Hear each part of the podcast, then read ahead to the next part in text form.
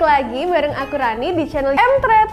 Belakangan ini lagi rame nih ya soal inflasi yang naiknya cukup bikin deg-deg ser. Sederhananya, inflasi adalah penurunan nilai mata uang terhadap barang atau jasa.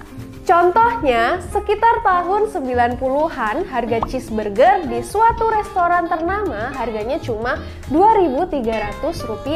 Sedangkan saat ini kita temui menu yang sama di restoran yang sama bisa mencapai Rp35.000. Kenaikan harga dalam tiga dekade itulah yang secara tidak langsung membuat nilai uang mengalami penurunan. Nah, pada pertengahan 2022, tingkat inflasi di beberapa negara ini diketahui naik signifikan.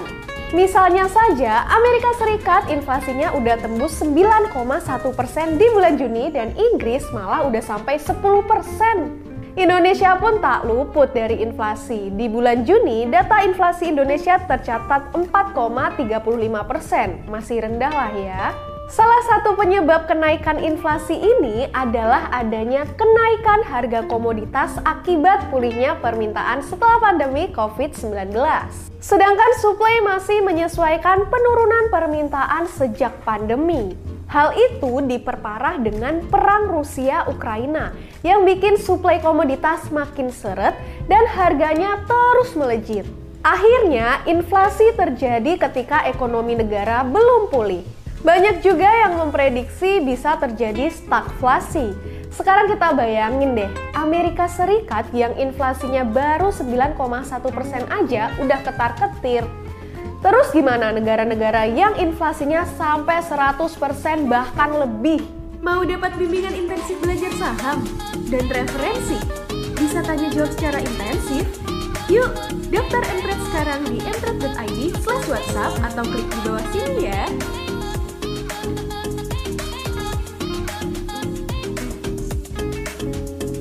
Oke traders, buat jelasin hal itu, di sini aku ambil contoh dari negara Zimbabwe. Siapa sih yang nggak tahu negara ini?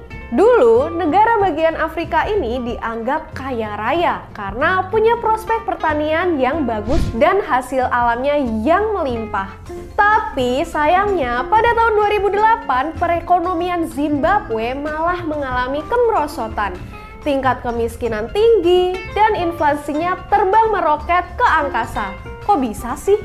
Penyebab awal inflasi Zimbabwe naik saat merdeka dari Inggris pada tahun 1980, Zimbabwe disebut sebagai keranjang rotinya Afrika. Ya, karena negara itu kaya banget soal pangan, teman-teman. Bahkan ketika Robert Mugabe ditunjuk sebagai Perdana Menteri pertama Zimbabwe, dia diberikan selamat karena berhasil memimpin negara berlian tersebut.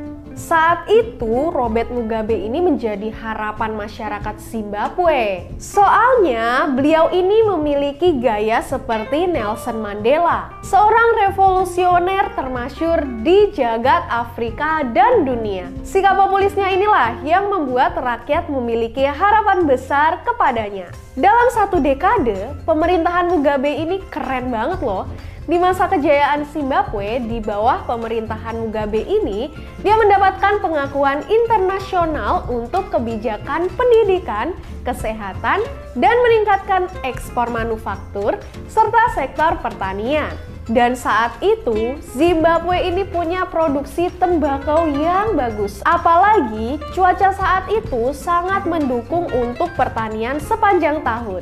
Namun sayangnya Mugabe malah membuat keputusan populis yang sedikit blunder setelah menyetujui uang pensiun sekali bayar 50 ribu dolar Zimbabwe ditambah pensiunan bulanan 2000 dolar Zimbabwe kepada para veteran perang tahun 1997.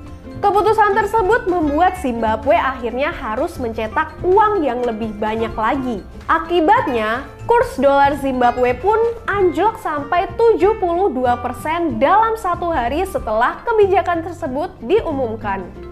Di tengah ekonomi yang belum kokoh ini, Zimbabwe juga ikut membantu dalam perang saudara di Kongo pada 1998 sampai 2003. Hasilnya, Zimbabwe kembali harus mencetak uang lebih banyak lagi yang bikin inflasi di sana semakin meroket.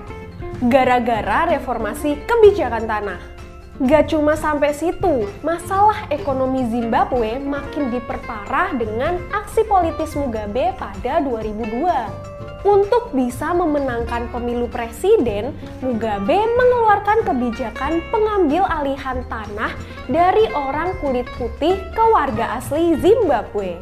Awalnya, kebijakan itu dilakukan untuk memperbaiki kesalahan pada era kolonial ketika orang kulit hitam Zimbabwe dipaksa meninggalkan wilayahnya demi orang kulit putih. Akhirnya, 4.000 petani kulit putih yang menjadi tulang punggung ekonomi Zimbabwe harus menyerahkan tanahnya kepada satu juta orang kulit hitam. Masalah pun diperparah karena ternyata orang asli Zimbabwe ini tidak terlalu berpengalaman dalam mengelola lahan pertanian.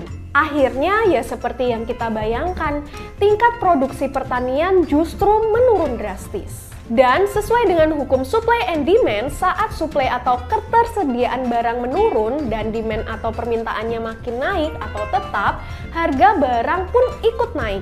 Kondisi kedua itulah yang bikin inflasi Zimbabwe tembus sampai 231 juta persen. Iya, juta persen guys. Saat itulah mata uang dolar Zimbabwe ini nggak lagi berharga dan masyarakat pun bertransaksi dengan dolar Amerika Serikat. Akhirnya masyarakat Zimbabwe pun banyak yang melarikan diri dari negaranya untuk bisa mendapatkan dolar AS. Bahkan masyarakat Zimbabwe yang masih tinggal di negaranya membutuhkan uang dolar AS dari kerabatnya untuk bisa bertahan hidup.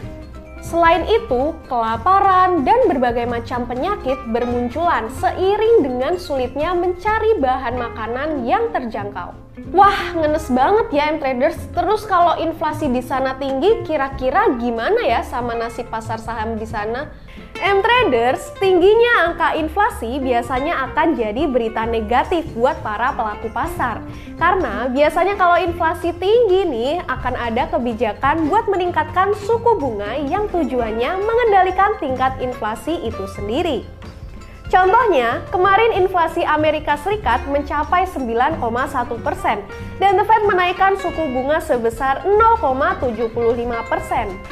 Tapi ada satu hal yang menarik nih dari kondisi pasar saham Zimbabwe yang waktu itu mengalami inflasi yang cukup tinggi atau hyperinflasi.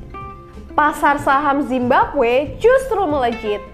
Kalau kita lihat, pada Januari 2005, indeks saham di Zimbabwe di level 1420 tapi pada Juni 2008 yang notabene inflasi Zimbabwe tinggi banget justru melejit 5,41 miliar. Gini-gini traders, Sejak terjadi hyperinflasi, masyarakat di Zimbabwe percaya kalau pasar saham menjadi salah satu cara untuk menjaga nilai uangnya dari risiko inflasi yang tinggi banget. Alasannya cukup simpel. Kenaikan inflasi yang tinggi biasanya diharapkan bisa diimbangi dengan kenaikan penghasilan. Nah, salah satu hal yang terpengaruh dari kenaikan inflasi ini adalah tabungan. Kalau suku bunga tabungan lebih rendah dari inflasi, maka nilai uang ya bakal turun juga dan berakibat pada penurunan daya beli masyarakat. Jadi, kalau cuma ngandelin uang tabungan atau dalam bentuk cash, ya harus siap kecewa. Itulah alasan kenapa masyarakat Zimbabwe memilih pasar saham sebagai instrumen yang diharapkan ngasih return lebih baik lagi. Apalagi kan udah disebut tadi, kalau inflasi di Zimbabwe saat itu tembus jutaan persen. Nasib Zimbabwe saat ini, Sayangnya sekarang ini kondisi ekonomi Zimbabwe kembali memburuk teman-teman. Inflasi terus melonjak dan kurs mata uangnya juga makin merosot.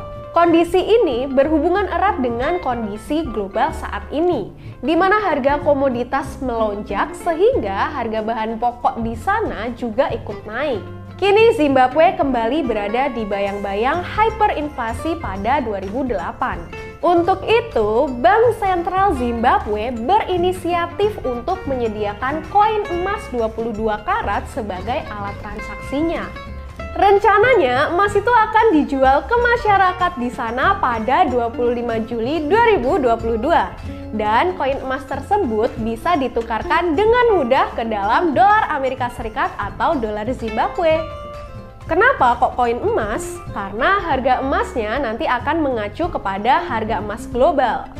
Dengan begitu, keberadaan koin emas ini membantu meredam efek inflasi negaranya yang pada Juni 2022 tembus sampai 190%. Itulah kisah kebangkrutan Zimbabwe yang menjadi catatan kelam dalam sejarah dunia.